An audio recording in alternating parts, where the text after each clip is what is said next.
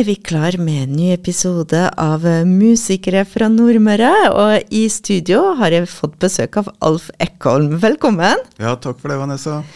Ja, vi kjenner deg som uh, musikklærer, vi kjenner deg fra storbandet, og akkurat nå, du, siste, den siste tida har du vært veldig aktiv med lydspor uh, langs uh, Kystpilegrimleia. Ja da. Og um, nå har vi snakka om litt sist du var her, vi har lyst til å prate litt mer med deg og, og høre litt dine tanker rundt musikken, og litt om din, din musikkvei. Ja, så flott, da.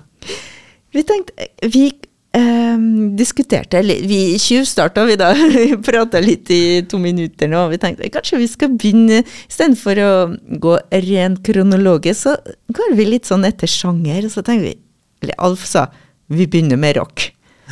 Ja, det var jo der jeg starta sjøl, da, kan jeg si. Eh, bror min, han Gunnar, han eh, lærte meg å spille gitar da jeg var en, eh, ja, kunne være en 13 eh, år, kanskje. Og han var jo fan av de store rockemusikerne den gang, så det var på en måte inngangsporten min da, til musikken. Var det mye musikk i heimen din? det var i grunnen det, altså. For uh, far min han, uh, han, var jo trompetist og vibrafonist og spilte litt trekkspill. Og, og han snakka mye om musikk, og vi hørte mye musikk på radio spesielt. da. Hvilke band var det som du likte best på den tida? På den tida så var jeg litt inspirert av broren min, og da var jeg jo Buddy Holly og, og Elvis Presley og ja. Det, de store engelske og amerikanske bandene. Gikk dere rett på elgitar, eller rocka dere med kassegitar? Eh, Broren min hadde elgitar, og det var jeg veldig uh, misunnelig på han før da. Men jeg hadde en uh, gammel kassegitar, og, og, så etter hvert så uh, Far min spesielt, da, han uh, så jo at det kanskje var noe, et eller annet spire hos meg. da, Og etter hvert så fikk jeg, tror det var på 14-årsdagen min, så fikk jeg på bursdagen min da fikk jeg en elgitar. da, En flott uh, japansk gitar. har du den ennå? Nei, det har jeg ikke. Hvor lang tid tok det fra liksom, brødrene Eikholm øvde på rommet, til du begynte å, å spille Har du spilt i band, kanskje, eller vist fram uh, gitaren til andre? Altså, jeg ble jo kjent eh, gjennom at jeg spilte gitar. da, Så ble jeg jo kjent med folk i klassen min, da, sjuendeklassen på, på folkehøgskolen, Allanengen skole, som hadde danna et band. Og så vidt jeg husker, så var det bare halvparten som hadde instrumentet, og så hadde de hørt rykter om at jeg hadde eh, elgitar. Og dermed så ble jeg innlemma i The Hooks. og da gikk det jo i Beatles og Stones og ja, alle de populære gruppene på den tida. Eh, er det kjente, eller er det noen av The Hooks, bortsett fra deg, som fortsatt er aktiv i musikkverden? Ikke så vidt jeg vet. Varte det lenge? Uh, nei, ja, det, det, varte vel kanskje, kanskje, et halvår eller ja, noe slikt. Og vi hadde jo noen store forbilder, vet du, The Beatmakers med Hove Borrokstein og, og, gjengen da. Så klart, vi nådde jo aldri dit da.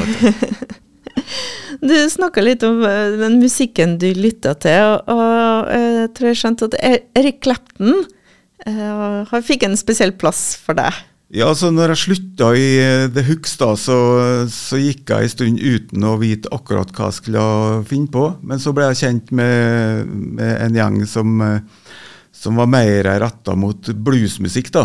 Og jeg var jo litt opptatt av, av bluesmusikk, John Mayall og, og de guttene der. Så da begynte jeg å høre på Eric Clapton, Jeff Beck, Yardbirds, de store bluesmusikerne i Europa.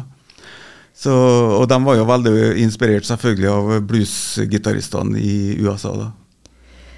Du valgte en låt med både Eric Clapton og Jeff Beck.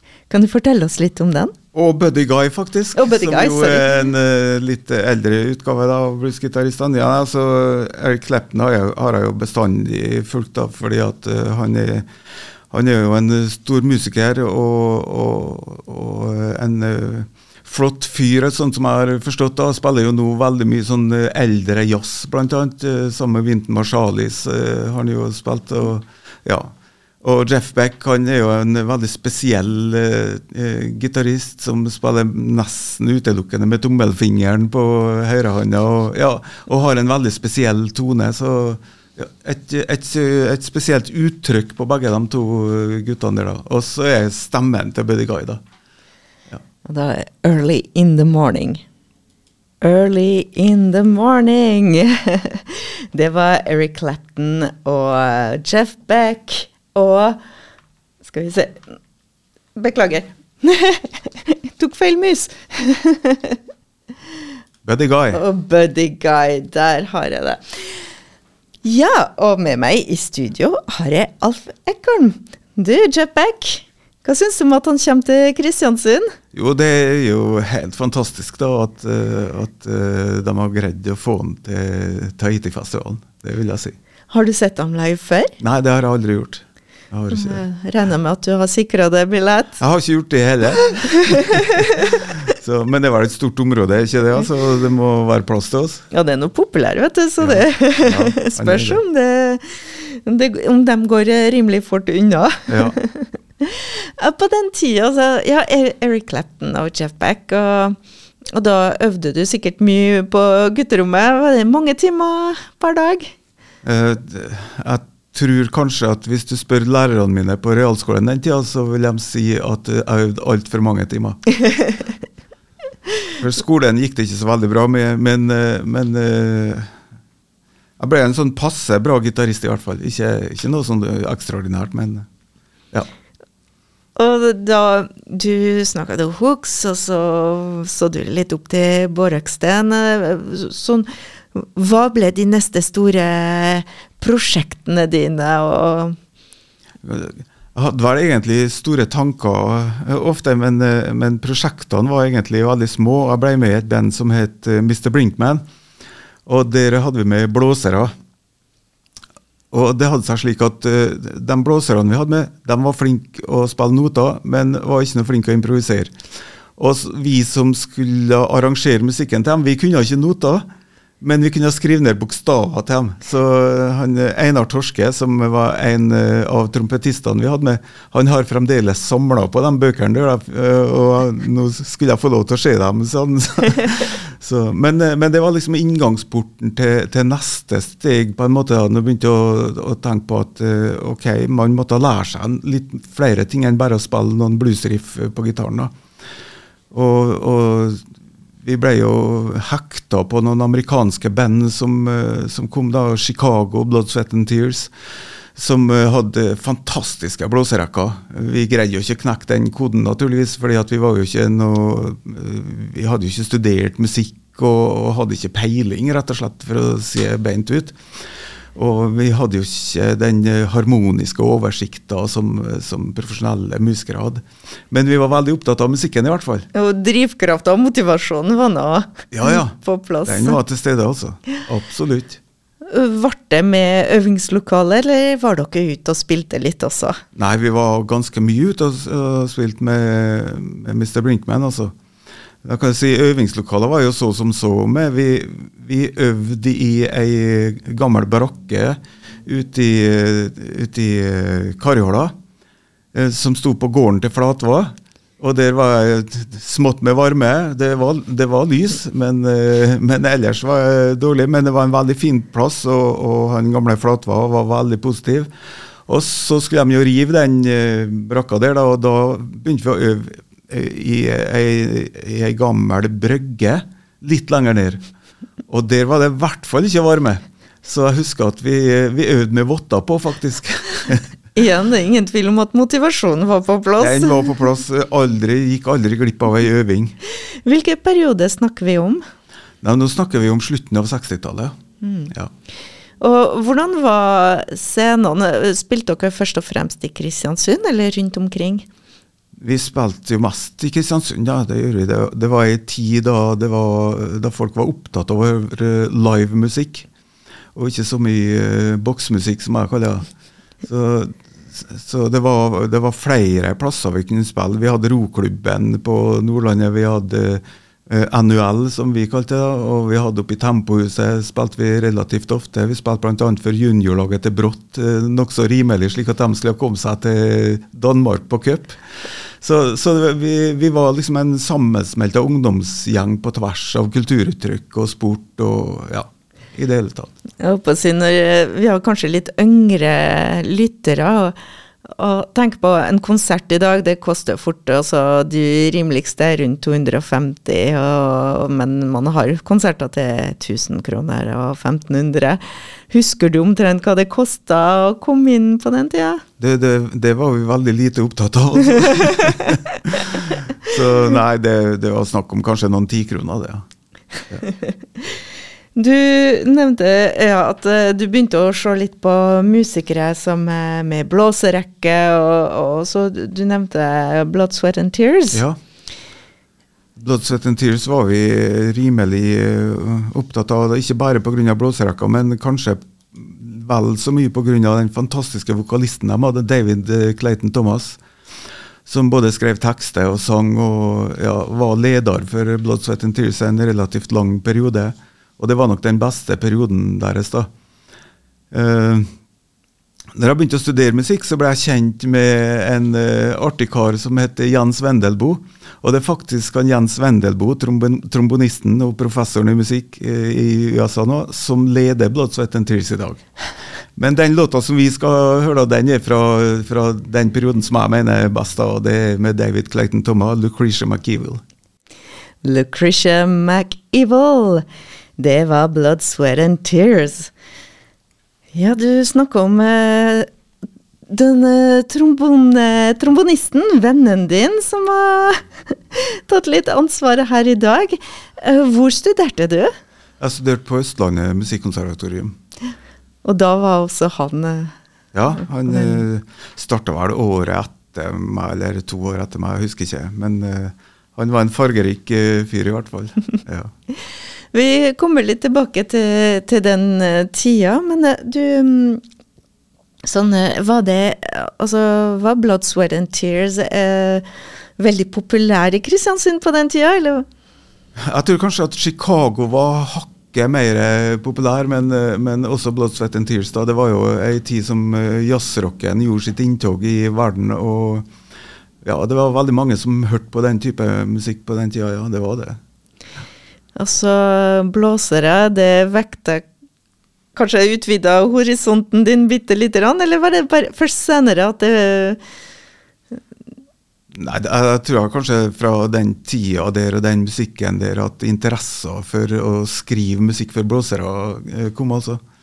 Jeg må si det. det interesser både for å høre på, utforske videre hva som finnes i den verden her, ikke sant. Uh, ja, det, det, stammer nok fra den jazzrock-tida der, ja. Vi assosierer deg først og fremst med gitar, men uh, har du på noen tidspunkt uh, tatt tak i litt blåsere sjøl? Overhodet ikke. Det var ønsket til far min at jeg skulle begynne å spille trompet, men uh, da jeg skulle inn, Han ville ha meg inn i, i det som het guttemusikken den gangen. da. Men da var det ikke plass på trompet, så heldigvis for meg så ble jeg gitar. Du holdt på uh, rocken. Hvor lang tid tok det før du be, altså bestemte deg for å studere musikk og gå videre den veien? Altså Det kom jo en person til byen her som har betydd veldig mye for veldig mange som driver med musikk, og det var Peder Rensvik. Eh, da han kom til byen her, så begynte søstrene mine på uh, musikkskolen som det het uh, den tida der, begynte å lære seg noter. Og jeg hadde jo lyst til å lage musikk, men jeg var jo sørgelig ubehjelpelig, fordi jeg kunne jo ikke, kunne ikke skrive musikk for dem, for jeg kunne jo ikke noter. Og det var da jeg på en måte fant ut at det kan da ikke være så vanskelig. Søstrene mine som er yngre enn meg, de greier det jo. Så, så, da begynte jeg å lære meg sånn de første, ja, første tonene på klassisk gitar. da. Og det var jo etter at jeg hadde hørt uh, Olaf Hammer, kjente jazzgitaristen uh, i Kristiansund, da, uh, spille klassisk gitar på en konsert i Kristiansund. Og jeg spurte jo han hva jeg skulle gjøre for å kunne bli like flink som han. Og da hadde han noen tips da, og noen bøker som jeg kunne kjøpe meg. Så, så, det var inngangen min til det å begynne å skrive musikk, og det å begynne å spille eh, musikk etter noter. Mm. Uh, komponerte du noen rockelåter? Nei, det gjorde jeg ikke. Det, og det tror jeg kommer litt av at uh, Selv om jeg er veldig glad i poesi, og jeg leser masse dikt, men, men jeg er ikke noe flink til å skrive. I hvert fall så har jeg ikke funnet ut det sjøl. Apropos eh, poesi, eh, vi, før vi beveger oss eh, vekk fra rocken, vi må høre en, eh, et band til. Og der eh, vokalisten blir også ansett som en flott dikter. Ja, det var jo egentlig min inngang til The, Doors. Og det, eh, jeg leste jo på låtlista at de hadde en låt av Bertolt Brecht og Bertolt Brecht var jo jeg litt opptatt av, for jeg hadde ei diktsamling den, den tida der som het Ars Moriendi. Og det var Georg Johannessen, bergenske professoren og dikteren. Og inni der sto et sitat, og jeg var på venstresida. 'Forandre verden, den trenger det'. Og det var etter Brest. da. Og da tenkte jeg jeg må jo sjekke ut hva The Doors har gjort med det. da. Ja. Og der har vi da um, Alabama Song. Ja. Whisky Bar. Det er også kjent som Her var The Doors og Alabama Song. Og med meg har jeg fortsatt Alf Eckholm. Så The Doors betydde mye for deg? Ja, i grunnen. Jeg har hørt veldig mye på The, The Doors eh, ei god stund, faktisk. Og litt spesielt band. De hadde jo i, i, lange perioder ikke med seg egen bassist, men eh, keyboardspilleren hadde jo et slags bassklaviatur ved sida av som en spilte på. Hadde med seg en gitarist som jeg akkurat nå ikke kommer på navnet på, som, som var flamenco-gitarist. Så ja, et, et, spesielt band som dessverre falt fra hverandre da Jim Morrison slutta. Det er klart det er ikke lett å fortsette til en så karismatisk uh, vokalist og forfatter, kan man si òg. Ja, nei, han var nok en, en, en, stor eh, kunstner på mange forskjellige måter. Men dessverre så tok jo rusen han, ja. ja. Jeg har faktisk vært på grava hans i Paris, og ja. Det er jo sånn eh, Det er alltid mye folk der. Ja, det var, en, det var, ingen andre da jeg var her. Bortsett fra datteren min og kona mi. Lenge jeg har vært der sjøl òg. Der ja. Eh, var en politimann som sto der eh, okay. for å passe på. For det var, men det er kanskje holder på å dabbe av. Kanskje færre og færre pilegrimer som eh, tar turen til Det er mulig, ja. Det, altså, det, alt går jo i, i glemmeboka på en måte. da. Det ja. Men han har allikevel satt dype spor i musikkhistorien. Han har det, altså. Det, jeg, jeg, har bestandig likt å snakke om han til elevene på musikklinja da, i Kristiansund. Fordi at uh, han, er, han, er, en stor personlighet på så mange måter. Og samtidig så er han et eksempel på hvor gærent det kan gå hvis du begynner å tulle med rus. da. Så. Han og Joplin og ja. Hendrix. Så du sa at jazzen begynte å, å liksom fenge deg mer og mer. Ja, jeg gjorde jo det. Altså, jeg kan si at uh, før jeg begynte å studere musikk, så var jeg inn på jazzsporet. Men i, i, uh, på begynnelsen av 70-tallet eh, så var det jo ikke slik at det gikk an å studere jazz i, i Norge. Så hvis du skulle studere musikk da, så måtte du studere klassisk musikk. Mm. Og da var jeg så heldig at uh, jeg fikk komme til Trondheim på et kurs med han som senere ble uh, første professoren i klassisk gitar i Norge, uh, Sven Lundestad. Og, og, jeg kom jo inn på Musikkonservatoriet i 1972 da. Men fikk jeg, da fikk jeg en lang periode med bare klassisk musikk. Men på slutten av 70-tallet kom jeg tilbake til Kristiansund, og da, da ble jeg med sammen med ja, flere andre jazzfrelste personer i, i jazzklubbstyret i Kristiansund. Og det var stor interesse for eh, jazz i den perioden der. Og da var vi bl.a. mye i kontakt med jazzmiljøet i eh, Trondheim. Og der ble jeg sånn litt perifert kjent med to stykker som senere har betydd veldig mye for meg. og Det er Bjørn Alterhaug og Jon Pål Inderhaug. To fantastiske musikere som sjøl har henta veldig mye inspirasjon fra det som eh, er kjent som cool-jazzen. Med Lenny Tristano, Warren Marsh, Lee Connitz osv. Vi skal høre én av dem. Ja. Eller alle, begge to faktisk er med. Ja, begge er med. Og, og, låta er faktisk adressa til Lenny Tristano, som var en eh, blind, eh, hvit italiensk pianist, som da underviste uh, dere up and coming uh, jazzmusikerne i, uh, i New York, bl.a. Miles Davis. Oi. og der har vi da Jon Pål Inderberg, Erling Aksdal og Askdal og Bjørn Alterhaug og Lee Kunitz. Og da adressen er Lenny Tristanos uh, adresse. Du kan uttale den som har så fin uh, uttale på amerikansk. 317 East 32nd Street. Ja. Der hadde vi Jon Pål Linderberget, Erling Askdal og Bjørn Alterhaug og Lee Kunitz. 317 East 32nd Street.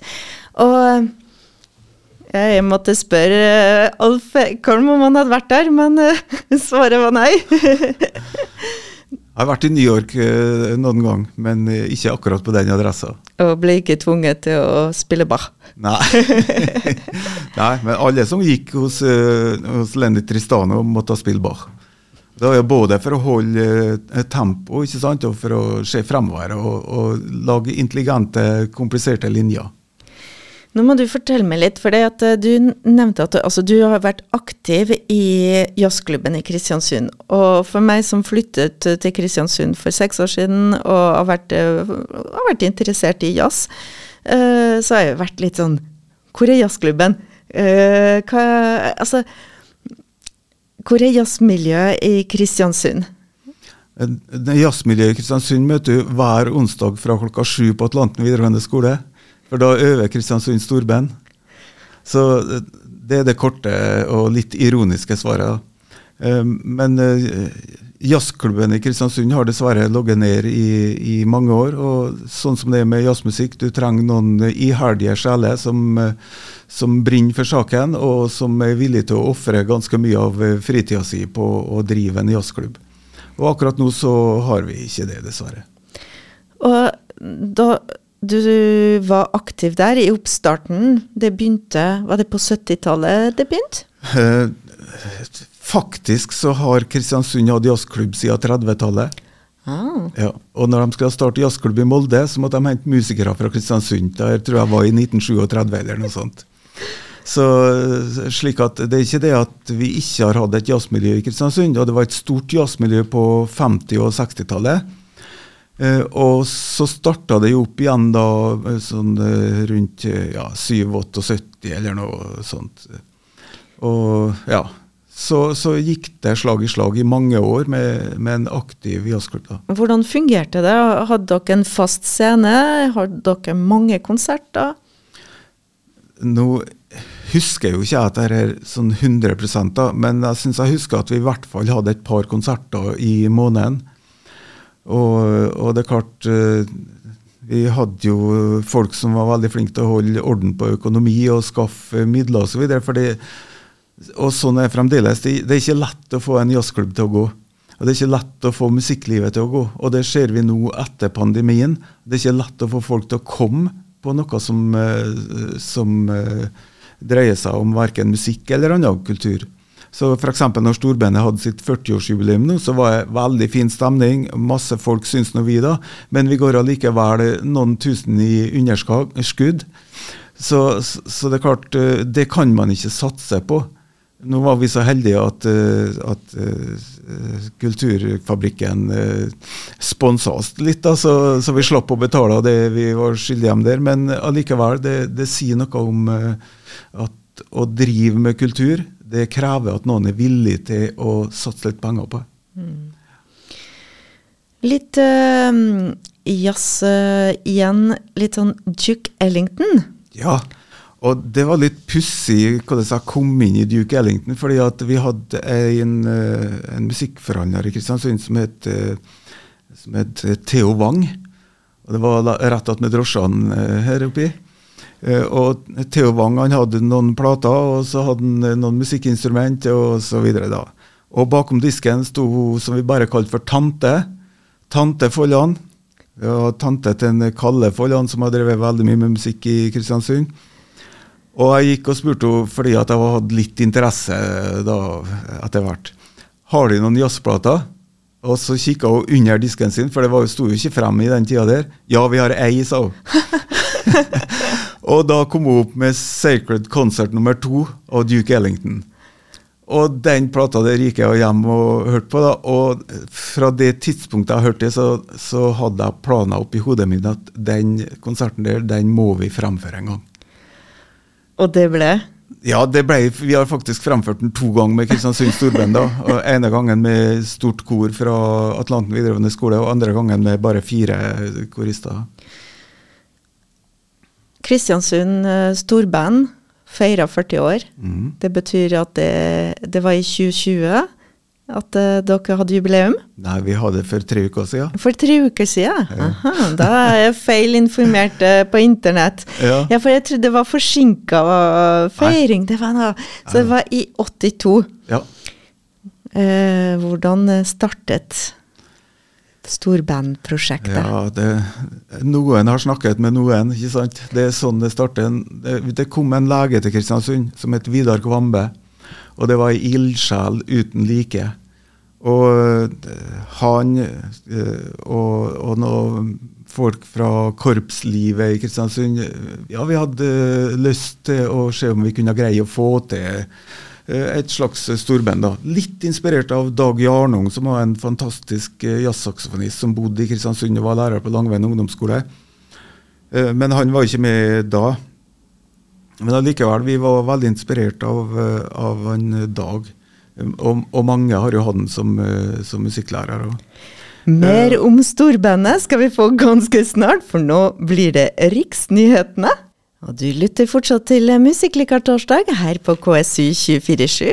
I dag har jeg besøk av Alf Ekholm, og vi snakker litt om eh, hans reise gjennom musikken, og med utgangspunkt i Kristiansund. Og vi ser at uh, veien fra Kristiansund og til resten av verden er ikke lang i musikken. og tilfeldigheter. Også hvordan en liten butikk som bare har én plate, ja, Ei jazzplate i hvert fall. De hadde jo flere plater. Ei jazzplate setter i gang noe stort.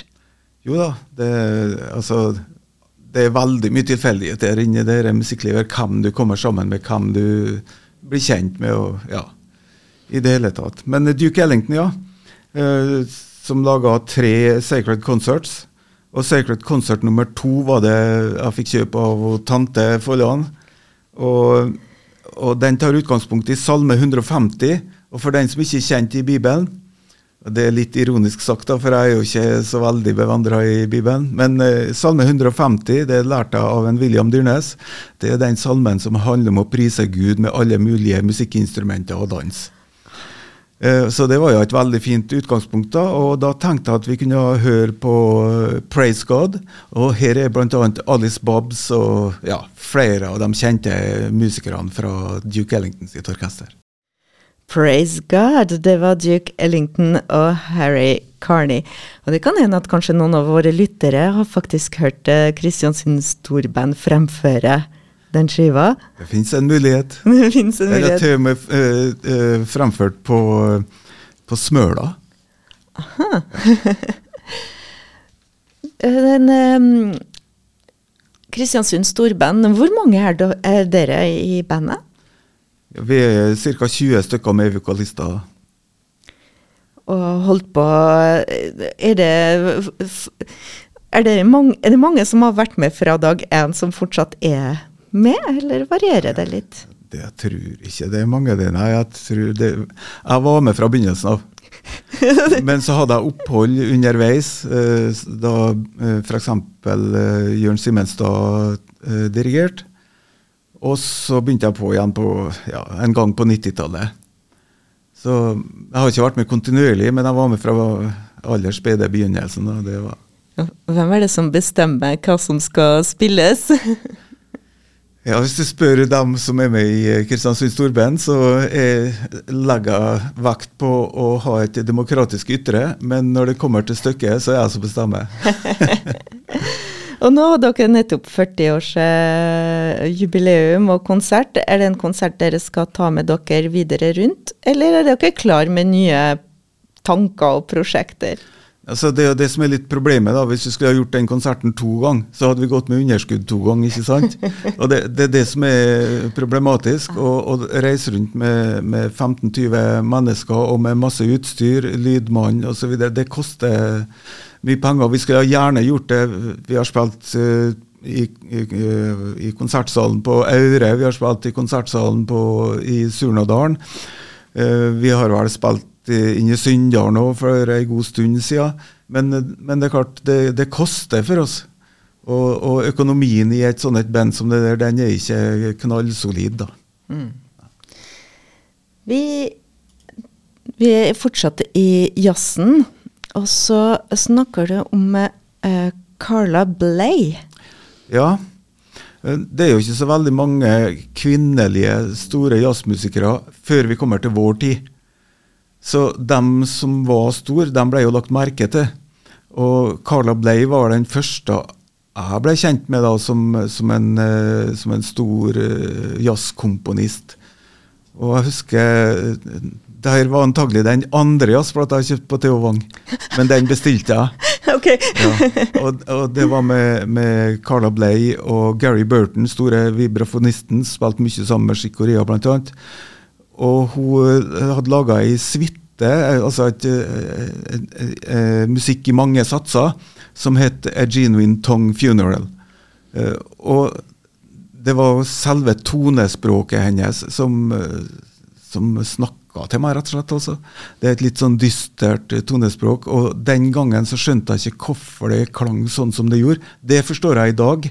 Og det har jo noe med, med harmonikken å, å, gjøre. Det har med hvordan du behandler kvinten, for den som er, den som er inne på musikk. Om den er senka, om den er heva, ikke sant? og om det er med utgangspunkt i moll, utgangspunkt i dur. Ja, det her er jo musikkteori, så jeg skal ikke gå så mye inn på det. Men men, men det, i hvert fall, det, det, resulterer i et veldig spesielt eh, tonespråk. da.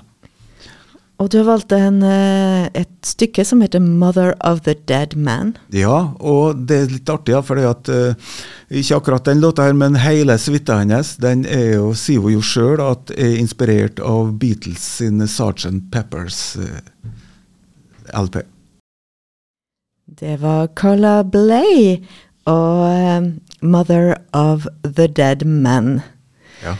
Så det, det mitt inntrykk altså, at altså, du har alltid vært veldig uh, utforskende og nysgjerrig på uh, ny musikk. Er det noen veier du ikke har tatt som lytter?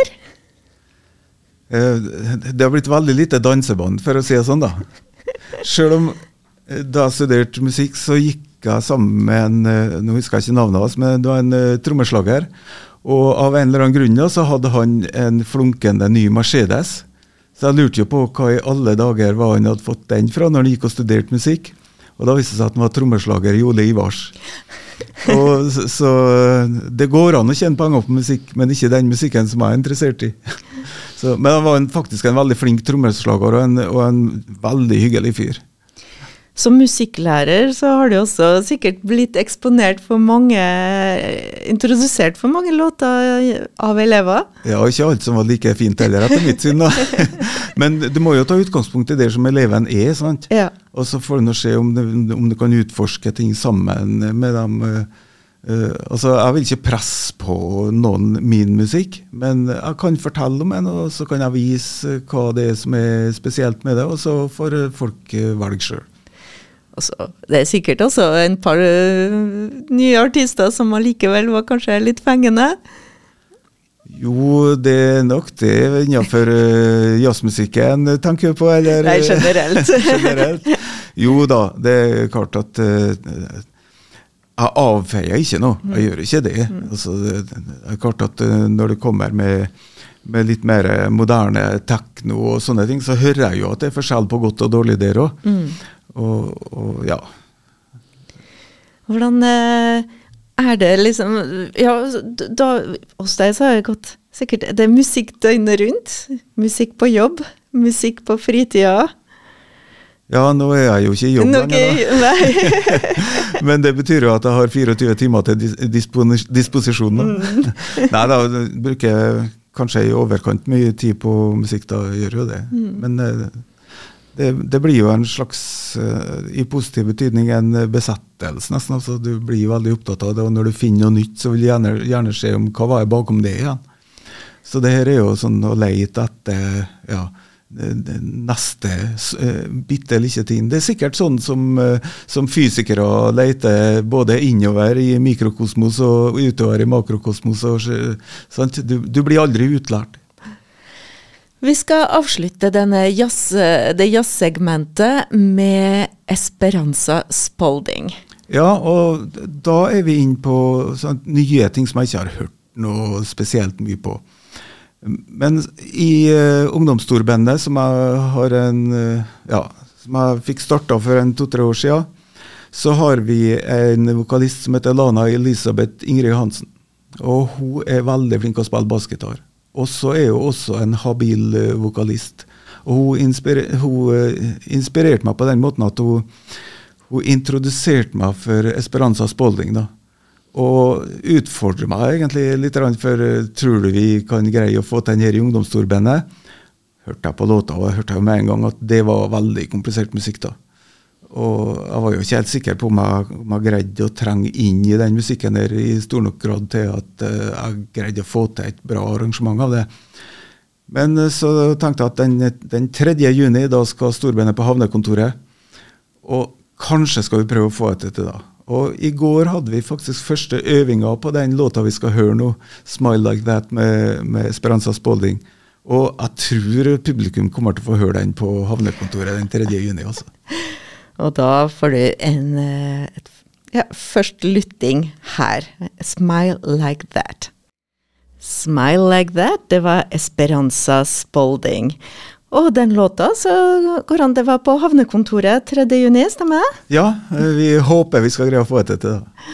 Du sier uh, ungt uh, uh, storband i Kristiansund. Starta for tre år siden? Ja, eh, det heter Nordmøre Ungdomsstorband, faktisk. Og det er medlemmer fra Surnadal, Averøya og Kristiansund. Og der er jo veldig mange flotte ungdommer som er med da. Vi er 13-14 stykker. Og jeg har lyst til å nevne spesielt familien Holten fra Surnadal, som har tre medlemmer. to på trompet og så Sigve på, på slagverk. Og så har vi jo, som jeg nevnte i sted, hun Lana som, eh, som er vokalist. Uh, og så har vi han Martin Pilstrand, som er en så dyktig pianist at vi har tatt den med nå frem til den 3. juni i Kristiansund Storbena. Så Veldig lovende fyr som nå skal eh, ut i verden og få jazztimer i Trondheim etter hvert. Og Hvordan er det, for det er kanskje noen ungdommer som, som hører på oss nå og så tenker oi, Nei, så kult, da. Kanskje det er noe for meg? Ja, altså ring meg, eller send meg en tekstmelding, eller finn meg på Facebook, eller hva som helst. Så vi er åpne for nye medlemmer, vi, ja. Absolutt. Og hvis du spiller saksofon, så er du gull verd. Nå tar vi eh, et steg vekk fra jazzen, selv om all musikk er litt beslektet, men vi går inn i den klassiske musikken. Hvilken plass har den hos deg? Jo, den har stor plass. Jeg hører veldig mye på klassisk musikk. Og min inngang som jeg snakka om i sted, det var jo gjennom den klassiske gitaren. Så jeg har hørt veldig mye på klassisk gitarmusikk da, og har faktisk skrevet ganske mye klassisk gitarmusikk sjøl òg. Og har jo kommet med to plater med klassisk gitar i 2021. Så nei, den har stor plass hos meg, den klassiske musikken. Ja, det har den. altså. Og er det en, eh, en måte en, en sjanger som du har uh, hatt tett med deg hele veien, eller var det litt til og fra? Nei, den har vært veldig tett med meg, for det var jo klassisk gitar som var hovedinstrumentet mitt på Musikkonservatoriet. Og jeg fikk jo veldig inspirerende lærer, Sven Lundestad. Og ja, i det hele tatt det, Jeg må si som Andrés Segovia, den store spanske gitaristen, sa. Hvis jeg hadde kommet til å spille et annet instrument enn gitar, f.eks. cello eller fiolin, så ville livet mitt vært bortkasta. Sterke ord, men for hans vedkommende så tror jeg det er helt realistisk òg, for han ble jo rimelig flink. Ja, uh, Sven Lundestad, han uh, var din lærer? Ja. Han ble uh, den første professoren i klassisk gitarspill faktisk i Norge, og han var også den første nordmannen som hadde debutkonsert på klassisk gitar. Og han var den første nordmannen som hadde, som hadde debutkonsert utenfor landets grenser, i Wigmore Hall i London. Så han var en pioner, da. Og På sine gamle dager så han faktisk begynt å spille rockemusikk igjen. Så han har gitt ut flere, flere produksjoner med, med litt eh, jazzpreg og rock. Da. Vi må høre litt eh, på han. Du, han har spilt med John Duarte, eller Duarte. Ja. Men, eh, altså, akkurat i den eh, sammenhengen her da, så skal vi få høre temaet, og så kanskje en av variasjonene òg, over en katalansk folketone. Og jeg har nå bestandig kalt den John Duarte. Da. Mens jeg finner låta, kan du fortelle oss litt mer om eh, Duarte? jo, han er uh, faktisk en, en uh, veldig mye brukt pedagog da, i, i England og har jo hatt masse dyktige elever. Og har også skrevet veldig mye eh, si, etyder og mye musikk som er brukt i undervisningssammenheng. Nå har vi Hanne, altså en uh, variasjon tema og en variasjon fra uh, Catalan folk song. Her fikk du hovedtema og variasjon nummer én av Variations on a Catalan Folk Song med John Dward og Sven Lundestad. Sven Lundestad som var da Alfs lærer. ja. Fantastisk person og har spilt inn veldig mye fin musikk på plate. og ja, En stor inspirasjon, faktisk. Jeg hadde han som, eh, som uh, lærer på klassisk gitar i tre år mens jeg gikk på Musikkonservatoriet. Innenfor uh, klassisk musikk, har du noe favorittperiode eh, eller komponist? Altså, det, det varierer jo litt der uh, hvem som er favoritten. For tida det er klart Bach har en stor plass. Men jeg hører jo nokså mye på impresjonistene. da, Debussy f.eks. er jeg jo veldig glad i. da. Men også uh, Når det kommer til Skjønberg tolvtonemusikk, har jeg hørt ganske mye på. altså. Uh, og det syns jeg er veldig spennende. Sant? Du går fra at det er et hierarki innenfor musikken. Noen, noen trinn, akkordtrinn, er mer verdt enn andre. Sant? Du kommer bestandig tilbake til et tonalt sentrum. Så kommer Skjønberg og sier at nei, alt er oppløst. Alle tonene er akkurat like mye verdt. Og så lager han et fantastisk system, i, på sin måte ganske rigid, faktisk, selv om det høres tilfeldig ut, som, som eh, oppløser alt du har, eh, har gjort tidligere. Da. Så ja, spennende. Eh, hele feltet musikk er jo så spennende. Så plutselig så setter jeg bare på noe som jeg kanskje ikke vet hva er, og så er det noe som virkelig griper deg. da.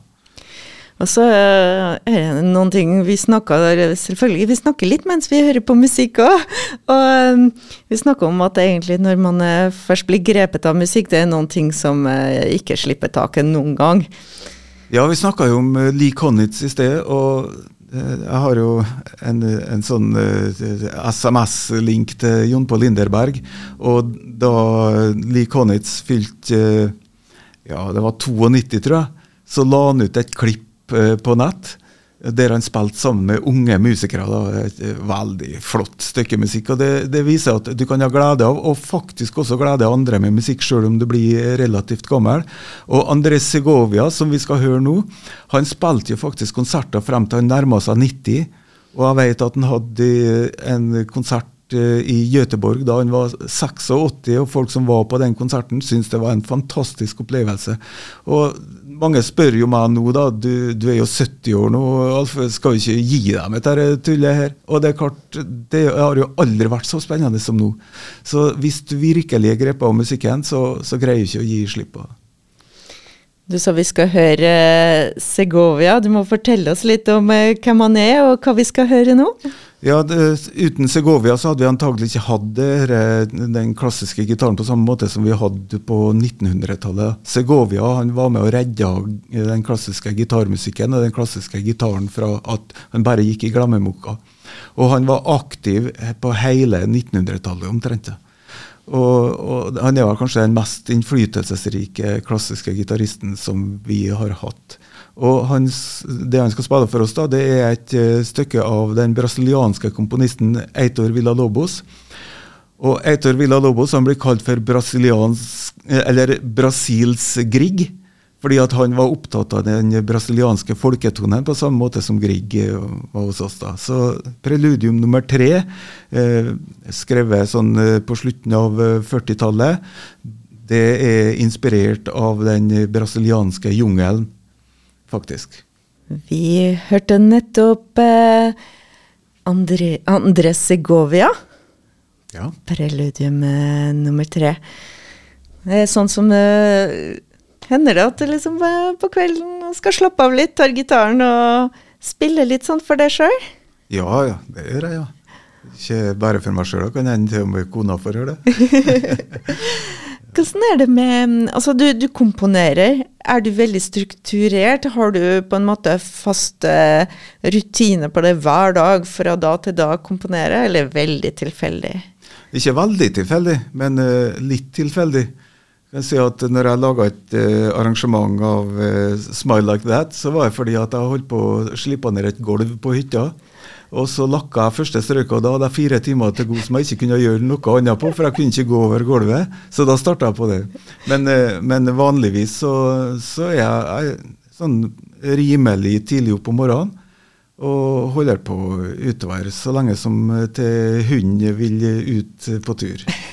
Og så blir jeg gjerne kanskje en time eller to på ettermiddag. Ja. Vi kommer nå inn på ja, 2022, og, eller de siste to-tre åra, og du har gitt ut uh, en del plater. Du har uh, et, uh, satt i gang et prosjekt, litt stor prosjekt, med lydspor langs kystpilegrimsleia. Ja, dessverre så kom den jo midt oppi koronatida, sant? så det ble litt amputert når det gjelder livefremføringa. Uh, men vi har jo spilt det noen, uh, noen plasser. Uh, for vi ga ut første plate med, med kan si, jazzinspirert musikk. da, Folketoner fra, fra Nordmøre, og spesielt i området rundt Kvernes, som jo er et sånn knutepunkt for kystpilegrimsleia. Og der har vi bl.a. med oss Jon Pål Linderberg faktisk på en av låtene. Min store helt og inspirasjonskilde.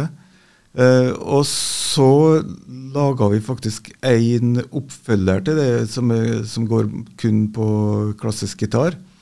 Der det er både klassisk gitar solo, duett og trio. Så, så det har vært et, et, stort prosjekt musikalsk sett, men vi har også laga ei hjemmeside som heter tre ganger www.kystpilegrimsleia.com. Og Hvis folk går inn der, så kan de også få se noen filmsnutter, og de kan til og med få sendt digitale postkort som ligger der og, og venter på dem. Og der, eh, du, Det var del én, del to. Uh, men vi snakka om det litt sist, sist. Det er et sånt prosjekt det skal gå over uh, flere høydepunkt langs kysten? Ja, det er jo håpet, da. sant? Mm. Men som sagt så har jo både reisevirksomhet og kulturvirksomhet vært veldig hemma av at vi har hatt to år der vi ikke har kunnet gjort noe særlig. da. Så, så, det er litt spennende å se om vi kan komme oss eh, videre med det. da. Det er avhengig av at noen hører på det som vi har gjort tidligere òg. Og det skal vi gjøre nå. vi skal høre et stykke fra, Pilgrim, eh, fra skiva nummer to. Skive nummer to, ja. Det er et variasjonsverk. Så kan si at På samme måte som vi hadde en variasjon over eh, et katalansk folkevise i sted, så er det her en variasjon over en folketone fra Gjemnes, eh, som opprinnelig ble sunget for Edvard Brein av Kanutta Stokke. Og der har du en tidligere elev som spiller. Ja, Aslak Fiske Fjallestad, en fantastisk dyktig gitarist, som studerte først i Trondheim, så dro han til Dublin og studerte, og så tok han en mastergrad i London i gitarspill. Og da den, det stykket vi skal høre, se hvor heftig døden ruster, og det er en folketone fra Gjemnes. Du hørte nettopp en eh, komposisjon fra Alf Eckholm. Eh, det er på lydspor fra Kystpilegrimsleia nummer to. Og på gitar så hørte vi At jeg skal si riktig, riktig Aslak Fiske Fjallestad. Aslak Fiske Fjallestad, der har vi en. En tidligere elev. Er det mange ungdommer som er interessert i klassisk musikk uh, i dag? Nå har jo ikke jeg jobba på musikklinja de siste tre årene, men jeg har inntrykk av at uh, flere og flere er interessert ikke bare i klassisk musikk, men i, i musikk som går litt utafor uh, VG-lista. Og det syns jeg er veldig positivt. Uh, senest i går så hørte jeg en replikk, og det var Ida Sofie Sæther som sa ja, men jeg hører ikke på pop. så, og det syns jeg er et flott utsagn, og det ønsker jeg at flere sier.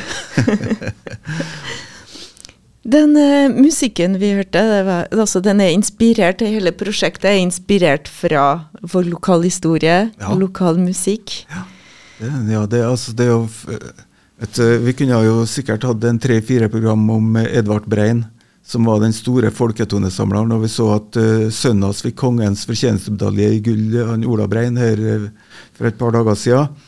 Og vel fortjent, vil jeg nå si. da. Men uh, Brein sjøl samla jo kanskje 800-900 folketoner fra hele Nordmøre. Og det er jo en fantastisk innsats på, på et tidsspenn på ti år, fra 1928 til 1938. Og samtidig så satte han jo i gang Kristiansundsoperaen òg. Ja. Så litt av et arbeidsjern. Og han var organist i tillegg. Vi skal avslutte. Vi kunne som du sagt holdt på å snakke lenge, lenge. Men vi nærmer oss klokken seks. Og vi må høre eh, en låt, altså et stykke fra den første plata også. Ja. Den heter 'Akk herrefrom'. Er, det er et stykke fra, fra, som i utgangspunktet er en folketone fra Bremsnes. Og her har jeg lyst til å trekke frem Ida Sofie som, som synger på den her, med sin uh, lyriske sopran. Eh, men eh, også Kiril Kirilov, som er en bulgarer som eh, har vært bosatt i Kristiansund i flere tiår, og som kanskje var den første som tok opp igjen denne arven etter trommeslåttradisjon. Og Derfor har jeg gitt den en trommeslått i, i den låta her. Og ikke minst Odd Harald Olsen, som er en sånn teknisk datavidunder innenfor musikk, som har lagt på kontentum, altså naturlyder det hele tatt. Akk herre from. Akk herre from, det var fra lydspor langs Kystpilegrimsleia nummer én. Ja. Alf Eckholm, tusen takk for at du var her med oss. Ja, takk sjøl. Vi ser deg uh, rundt omkring uh, om ikke alt så lenge. Uh, jeg har jo, har jo masa noe om 3. juni på havnekontoret nede hos Maher. Men eh, så skal vi ha ungdomstorbandet på Vårsøgfestivalen, på Kulturtorget der. Eh, og det, det gleder jeg meg til, og det tror jeg kanskje kan eh, være en, ja, en opplevelse for ikke bare foreldrene til dem som er med, men, men også for andre. Og så, når du sa havnekontoret, der blir det altså ungdommen, men dere, altså Seniorstorbandet skal også spille litt? Ja, det er vi som skal spille ja, på havnekontoret. da. Ja. Ja. Og så er det ungdomsstordbandet på Vårsøg-helga. Ok. Ja. Jeg hadde trodd kanskje ungdommen slapp det. jo, vi hadde en plan om det, men eh, så, så kom 2020. Og 2020 var ikke akkurat uh, vennlig overfor oss. da. Vi hadde en plan om å ha felles uh, uh, både konserter og, og, og seminar. Men vi fikk ikke til det. Ja. Vi skal avslutte med What a Wonderful World. Et lite malapropos til dagssituasjonen, men eh, det er en veldig fin versjon. Og den som var på Kulturfabrikken og hørte på 40-årsjubileet, hørte at Ida Sofie gjorde en veldig fin versjon av den låta her. Men eh, den gangen her så er jo Cynthia Erivo og Gary Motley. En nakenversjon av den låta her.